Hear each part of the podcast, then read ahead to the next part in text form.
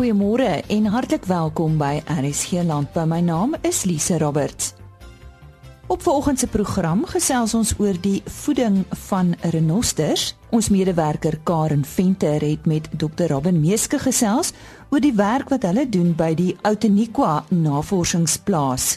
Ons kaasfees bydra is 'n onderhoud met minister Ellen Windy oor die ekonomiese impak van 'n projek soos die kaasfees.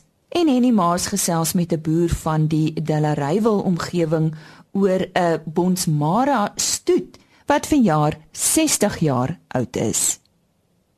En nou vir die bydra vanaf Karen Venter, ons medewerker daar in die Oos-Kaap. Goeiemôre, ek is Robin Meeske, ek is betrokke hier by Outeniqua Navorsingsplaas.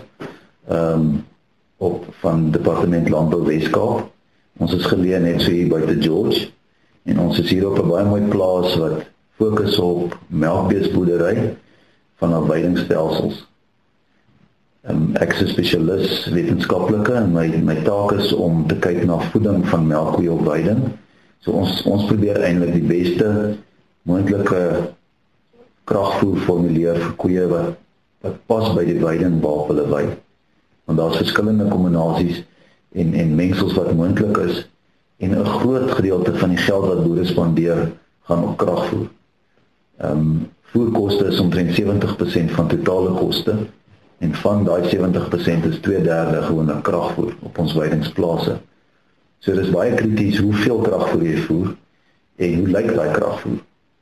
Ehm um, met dit te gee jy maar van die werk wat ons nie vrede gedoen het, is praktiese vrae. So sê net maar hoeveel van die mielies in 'n kragvoer kan jy vervang met gars? En ons het gevind jy kan die helfte van mielies vervang met gars sonder om melkprys te gee. Dan kyk ons ook na baie uh, alternatiewe vir mielies. Mielies is nou weer besig om goedkoper te word. Maar partykeer gaan mielies na R3000 per ton. So dan soek ons alternatiewe vir mielies. So ons het byvoorbeeld gevind as jy hoë vesel byprodukte gebruik soos omnichop, uh, gluten en uh, en semels en jy dan kan jy 'n groot deel van die mielies vervang en melkproduksie nog steeds uh, uh volhou so daar's nie 'n val in melkproduksie nie en bottervet styg met 0.5%. So daar dat so dit is 'n soort van dinge wat ons doen. So ons kyk ook soms na na bymiddels wat 'n verskeidenheid van bymiddels wat wat in mengsels gesit kan word soos giste en ander produkte. En ehm um, so ons ons probeer reg relevant wees vir die melkbeesboere in hierdie streek. Ehm um, en doen dan toegepaste navorsing om 'n verskil te maak op, op plaasvlak. Robin, jy het ook vir my genoem julle boer staan met die boer eers en dan ehm um, volg die navorsing. Ja, dit is dis baie belangrik. Ons sê om navorsing te kan doen, moet jy in die eerste plek kan boer. Want dit help nie jy te plaas waar alles 'n bietjie swakker is as op die plase daar buite nie. So ons moet ten minste vergelykbaar wees met die gemiddelde boer en verkieslik met die top 3de boer, melkboer in ons area sodat ons ook kan saampraat en dit dit maak ook die resultate geloofwaardig. Ehm um, so dit is vir ons baie belangrik en dan werk ons nou saam met boere. Ons kudde is ook deel van 'n suiwel studiegroep en ehm um, waar ons ook ons syfers vergelyk met die ander boere. So ons weet presies wat ekonomies aangaan met ons kudde en ook met die boere se kuddes en dan kom daar ook vrae uit. Dan jy sien maar okay, waar is die groot koste faktore? Waar kan ons bespaar? Hoe kan ons verbeter? So dis nogal krities vir ons. Ons moet relevant wees vir 'n melkbeesboer hier in die Suid-Kaap. En vertel 'n bietjie vir ons luisteraars meer oor julle studenteprojekte. Ja, ons het ons het eintlik nie veel navorsers op Outeniq wat self nie, dis maar net ek self wat met diereproduksie of dierevoeding werk en dan dan is dit uh eh, Sigrid Aman wat met uh kultivars werk en Janke van der Kolf ook met weidingnavorsing wat meer na stelsels kyk. Uh so ons het net basies drie navorsers. So dis maar min. Nou wat ons dan nou doen is ons 'n studenteprogram om ons uh kundigheid en ons ons sê nou maar ons programme bietjie kwai mee uit te brei. So heidaglik is daar 5 nagraadse studente van verskillende universiteite wat dan nou beurse kry by uh die Weskaap Landbou Navorsingstrust en daarmee vergroot ons basies ons ons kapasiteit. Uh en dit is dit is ons is al jare besig met die program en uh dit het geweldig baie voordele vir ons almal ingehou ook vir die studente wat 'n geleentheid kry om met 'n groot groep koeie ordentlike proef te doen en ook baie te leer maar verder kom daar jong kundigheid en nuwe idees ook saam en dit het verhoog ons kritiese massa nogal beduidend En waar kan hulle julle kontak? Ja, ons is hier uh, by George. Ons my, my uh, selfoonnommer is 082 90 84 110 en anders per e-pos is uh, robin.m@elsenburg.com. Baie dankie aan Karen Venter en sy het gesels met Dr. Robin Meeske van die Outeniqua Navorsingsplaas in die George omgewing. Tydens verjaar se Kaasfees het ek daar met minister Ellen Windy, minister van ekonomiese geleenthede gesels oor die ekonomiese impak van 'n projek soos die Suid-Afrikaanse Kaasfees. So uh, obviously daar's 'n daar's 'n direkte impak. So daai direkte impak en jy kan dit sien want net in die omgewing is daar polisiekarre en cones en want almal wat die verkeer uh, bestuur want soveel mense kom 30000 mense kom uit om om nou die dag te geniet om die musiek te geniet om kaas te proe om van ons van ons uh, landbouprodukte te proe ehm um, te koop so so daai direkte impak uh, is geweldig groot maar daar's 'n baie groter impak. En dit is uh, nommer 1 oor tyd hierdie Kaasfees nou 16 jaar oor tyd dit dit bou uh amper uh, dit bou 'n brand op en daai brand het 'n waarde. Uh dit laat meer me, dit laat meer kleiner maatskappye uh aan die gang kom want hulle hulle werk nou ook saam met die suiwelprodukte, die kase uh en die ander en die ander uh, uh waardebyvoeging van van landbouprodukte. En so jy sal sien hierso um vir al die Cape Made uh uh tent waar daar nie net kase is nie, daar's ander maatskappye. Um van Chili tot Rooibos tee tot uh, jy kan dit als daar sien. Um en dan die oorhoofse projek uh van die regering is hoe kry ons agri processing meer aan die gang? Ehm um, en ons het nou vir 'n paar jaar ons fokus daarop en vir my dis ongelooflik om te sien in 'n land op die huidige oomblik waar ons ons ons sukkel om groei te kry. Uh, ons kry nie eens 1% groeikoers in ons land nie. Maar hier in die Wes-Kaap uh, met die fokus op agri processing met die fokus op uh, hierdie hierdie waardebyvoeging het ons nou in die laaste jaar 127000 ekstra werksgeleenthede uh, is geskep in die Wes-Kaap. Dit is in direk in landbou en uh, in die waardebyvoeging ketting in daai in daai waardeketting van landbouprodukte. Jy was 'n voorbeeld van die agri processing. As jy dalk vir ons net 'n spesifieke een kan noem. So kaas is direk agri processing. Jy jy jy het 'n boer wat wat 'n melkboer en nou sit jy waarde by op daai produk. Ehm um, of jy chilies en jy maak nou 'n sous of 'n uh, gedroogde speserye of ehm um, al daai is of rooibos tee. Dis dit is 'n perfekte uh, uh, waar ons 'n produk wat nou gewoonlik in landbou uh, veral in die Weskaap baie van ons uh, van ons uitvoer en 'n groot gedeelte van ons mark is vars produkte. So dit is ons perskes en ons appels en ons wat ook al na jy weet heidig uh, plaaslik verkoop word maar ook uh, internasionaal. En uh, maar wat ons sien is elke keer as jy iets bysit, soos mis byvoorbeeld jy drywe, maar nou maak jy wyn. Nou elke keer as jy daai ekstra waarde bysit in die ketting, dan is daar soveel meer werksgeleenthede. Die die die die uh uh uh die die waardeketting groei. Ehm um, so dit is meer geld wat hier bly uh, baie ple baie plekke uh, wat uh, hulle sê maar net hulle hulle basiese produkte uitvoer en die waarde word bygesit in ander lande. Ons probeer om dit nou hier in hierdie land. Hoe motiveer jy iemand wat byvoorbeeld koeie met melk en die melk wegstuur om met daai proses te begin? Hoe doen julle dit? OK, so veral uh, uh, uh, ons ondersteun so uh, uh, kaas uh, um skou soos die.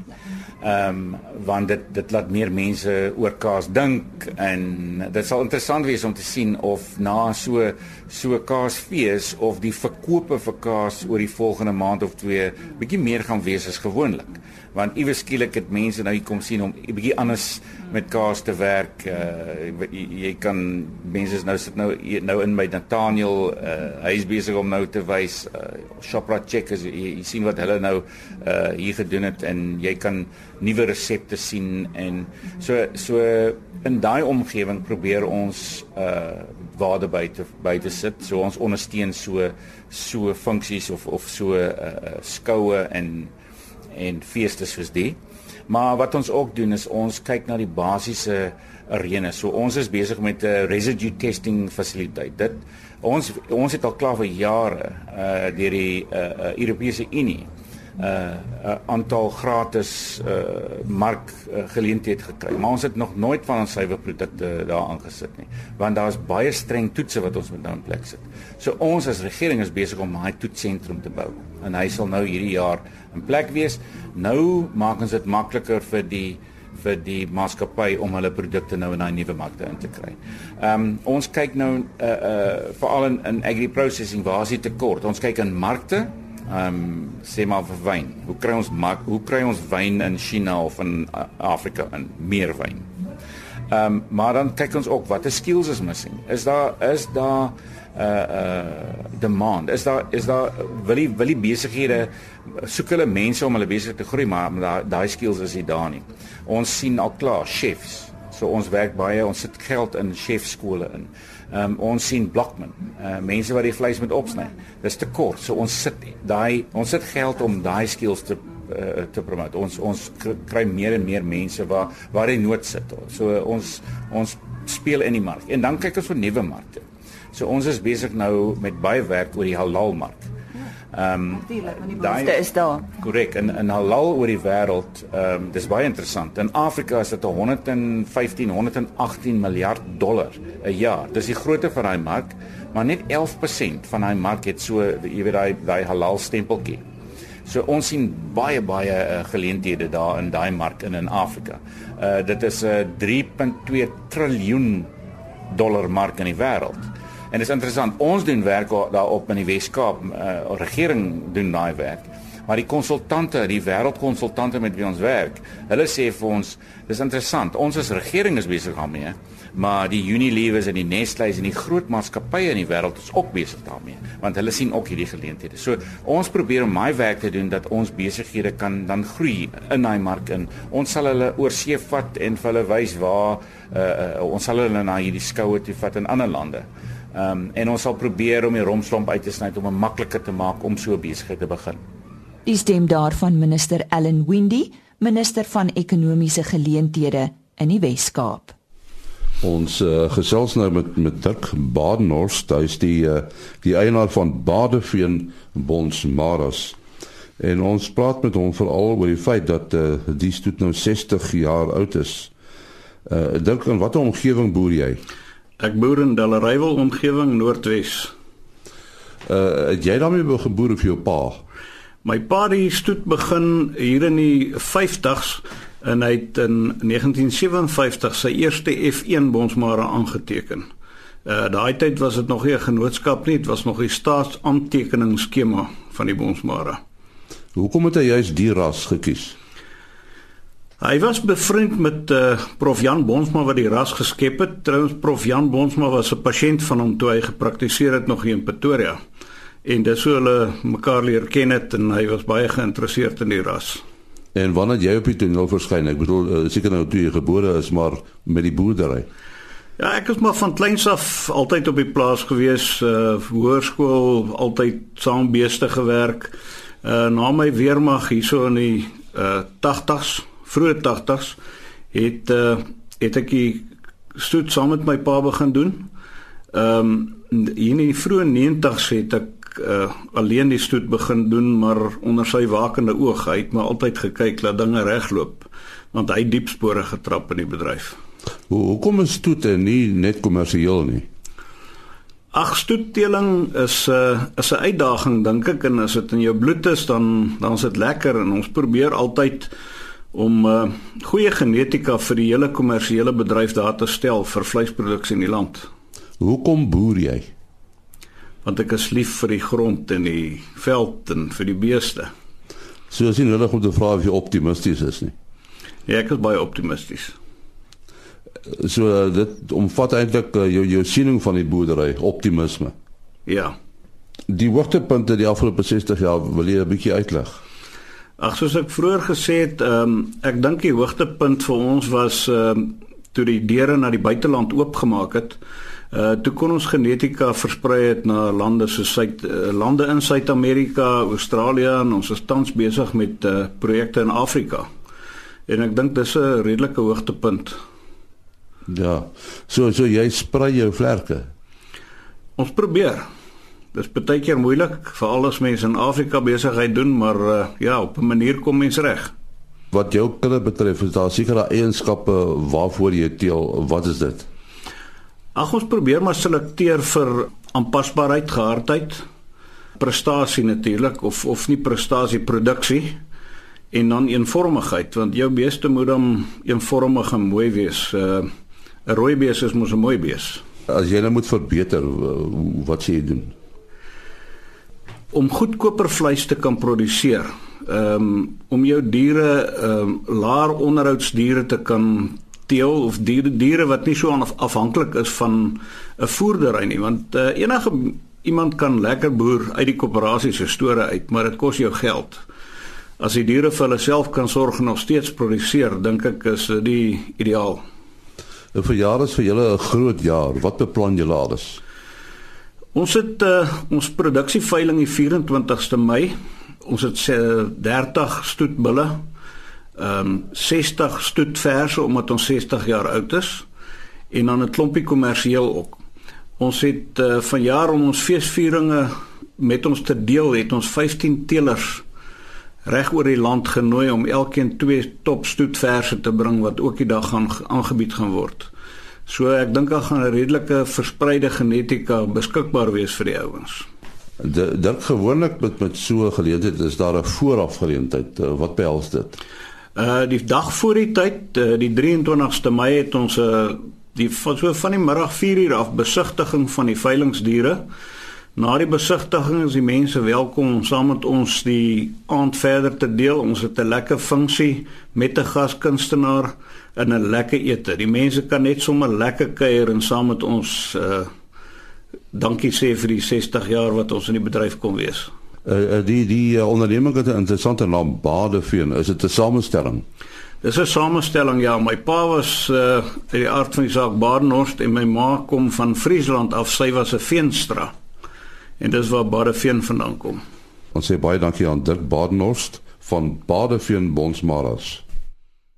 Die suksesvolle voeding van renosters vereis 'n wetenskaplike benadering en die toepassing van praktiese renoster spesifieke voedingsbeginsels. Ons gesels weer eens met die bekende wildsvoedingkundige Craig Shepston. Hy is van Wildlife Nutrition Services. Kryk hoe verskil die natuurlike voedingsgewoontes van wit en swart renosters. Goeiemôre, baie dankie dat ek weer met julle kan gesels vandag. Die groot verskil tussen die twee spesies is wat hulle self kies. Jou wit renoster is 'n grasvreter. Sy mond is, is laag op die grond um, en hy baie letterlik wat hy kry. Jou swart renoster is 'n blaarvreter. Sy kop is redelik hoog in die in die blaar, of gaan sê in die lug Um so hy kan makliker by die blare uitkom, so hy het takkies en blare en so sy voeding is heeltemal anders teenoor dis die voeding tussen die twee spesies is heeltemal anders. Nagenoeg hoeveel droë materiaal in verhouding tot konsentraat kan renosters per dag inneem? As ons sou renosters aanhou in 'n dieretuin of in 'n intensiewe stelsel, verkieslik nie meer as 1/3 van hulle totale inname per dag met in die vorm van 'n pilletjie of gekonsentreerde voer wees nie. Verduidelik net kortliks vir ons hoe 'n noster se verteringsstelsel werk en hoekom dit belangrik is om te verstaan. Baie mense dink alle wild is gelyk. Ons moet die vensters in gedagte hou. Ons beeste en ons skape het dieselfde pense soos buffels en so voort, maar ons renoster se pense is baie nader aan 'n perd. So wat basies gebeur is die dier ehm um, kou die kos met sy met sy tande mal mal so so fyn so wat hy kan en dan sluk hy dit direk deur sy penstelsel dan daarom en dan in die dik daarom en daar fermenteer dit in energie en die ander nodige ehm um, voedselbronne teenoor die herde of teenoor die bees en die buffel die kos word ingeneem en dit word in 'n groot riemen gehou en dit word herhaaldelik geherkou tot dit fyn gemaal is en dan gaan dit deur die maag en dan deur die dindarm en die dikdarm. So die, die een stelsel werk agter en die ander stelsel werk voor. Dis hoekom ons as ons na renoster verwys, noem ons hom 'n hindgut fermenter. Nou, hoe, hoe belangrik is natuurlike veiding of hooi dan vir 'n renoster se dieet? Um, natuurlike veiding is die beste bronkos vir 'n renoster en dan die swart renoster natuurlike blare. Die natuurlike veiding is net bietjie beter saamgestel as wat ons resep sou kon maak. As ons 'n resep moet maak, gaan ek altyd terug na wat sou die diere gekies het in die natuur en dan mimiek ek dit so ver as moontlik met 'n kombinasie lucerne, gras ensovoorts dat die proteïene reg is en dan mag ek seker dat die minerale en die vitamiene ook reg is. Goed, so as ek nou van hooi gebruik moet maak, hoe stoor en bestuur ek dit en hoekom is dit so belangrik? Hooi is baie belangrik want dit is 'n goeie bronkos wat lank gehou kan word. So die belangrikste punt is die persoon wat die hooi maak moet verstaan wanneer om dit te sny en dit baie blare het en nie te veel stingels en saad nie, so dit baie meer blare nodig. Die gras moet lank genoeg lê sodat dit droog word. Dan word dit gehark, dan gaan dit deur die baalproses. En wanneer daai bale geberg word, verkieslik dit direk op die grond en maar op pallette of op palle sodat daar ventilasie is om te keer dat ehm um, enigiets negatiefs met die bronkos kan gebeur wat baie keer gebeur is mense vat hulle baal gras of hulle baal lucerne en hulle sit direk op die sement, direk op die grond en dan trek hy vog en dan was hy gereeld. Goed, ons beweeg nou na die uh, daaglikse dieetriglyne vir wit en swart renosters onder ekstensiewe toestande of binne natuurlike kampstelsels soos 'n kleiner reservaat. Wat is belangrik as dit hierby kom? Ek sal begin by water, goeie ordentlike bron drinkwater. Ehm um, as daar water is waar hulle modder het, is dit een ding, maar dan moet skoon drinkwater wees op 'n punt naby aan hulle. Um dan baie mense sit soutblokke uit. Ek verkies sout met minerale soos 'n fosfaatblok wat fosfaat, sout en minerale by het. En normaalweg is daar genoeg veiding natuurlik so vaart om hulle aan die lewe te hou. Indien dit droogtes is, dan moet ons maar aanvullend um lucerne lucerne en hooi verkieslik iets soos tref of oulands gas 'n goeie gehalte tipe produk vir hulle. Vir jou blaarvretendes, jou um swart renosters, eerens die mineraalblokke ensovoorts en wanneer dit droogte is, probeer maar natuurlike blare kry net op hoop sit op een kant of althans lucerne gelyk het. Wat kan tot koliek aanleiding gee, Craig? Koliek is 'n groot ehm um, punt binne in renoster en perdvoeding. Baie dinge kan dit veroorsaak. Een ding is te veel fyn gemaalde kos. Die volgende ding kan wees dat ons baie keer aan droogte skry wanneer die diere gras vreet dat die gras is half droog en dor en hulle tel die grond saam met dit op en kry ons wat ons sand colic noem of sand colic noem en dan dit maak letterlik 'n plat dat niks deur kan gaan nie. So enigiets wat nie basies in die natuurlike vorm is nie kan dit veroorsaak. Die dinge waar ek na kyk is, ehm um, as ek kyk op plase, ek sien ek waar die renosters wy, wy hulle net die gras of as hulle is daar plekke kolko waar die grond al begin versteur het. Ehm um, gee klaar vir my idee van probleme gaan kom of nie en dan as dit kom by pille en by rantsoene wat gegee word, fyn gemaalde tol rantsoene moet en lae hoeveelhede vir die diere gegee word nie meer as 1/3 van hulle behoefte nie om te keer dat daai spesifieke kos nie ook 'n plug effek het en keer dat die pens reg werk nie. Die lang vee sal help dat die pens reg werk. Kom ons gesels oor die voer en waterbakke van renosters. Uh, wat is hier belangrik? Die voer en waterbakke in jou meer intensiewe stelsels is belangrik dat hulle eers skoon moet bly. Tweedens hulle moet groot genoeg wees vir een renoster se hoeveelheid kos en jy moet die bakke ver genoeg van mekaar af sit dat die twee dat twee renosters nie mekaar stamp terwyl hulle vreet nie.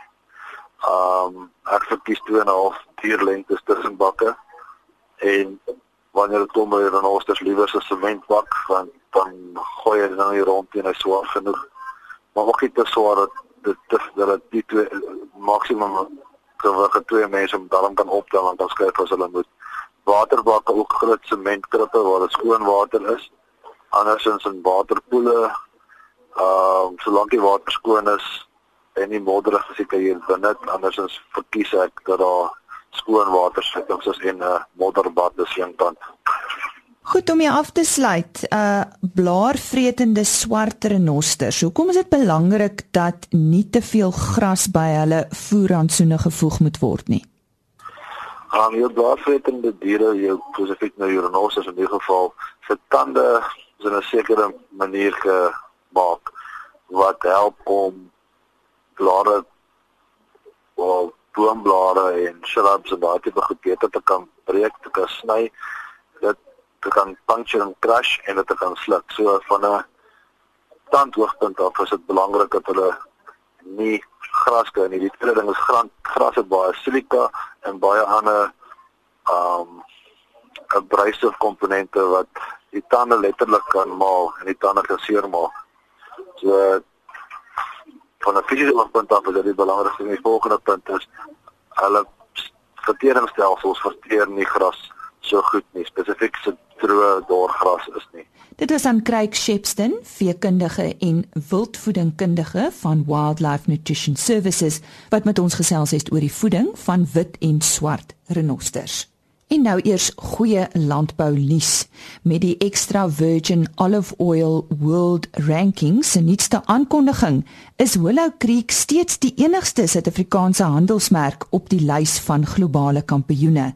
'n prestasie wat hierdie Nyvallei olyfolieprodusent nou vir die derde agtereenvolgende jaar behaal het. Willow Creek landgoed is in die 26ste posisie op die internasionale lys van top 100 societies of produsente van ekstra suiwer olyfolie. Nie net een nie, maar twee van hulle produkte, die Directors Reserve en die Estate Blend, is deel van die 227 ekstra suiwer olyfolies wat die spogregte tot olyfolie van die jaar ingepalem het. Die Directors Reserve is 73ste plek en ook ingesluit in die top 100 ekstra suiwer olyfolies. Volgens Willow Creek Landgoed se handelsmerkbestuurder, Louise Rapie, is hierdie ranglys die erkende onderskrywing van kwaliteit olyfolieprodusente reg oor die wêreld. Nou as u wil weet, wat is die rol van aardwurms en hoe kan jy aardwurms deel maak van jou gesonde grond. Onthou môreoggend daarvoor in te skakel.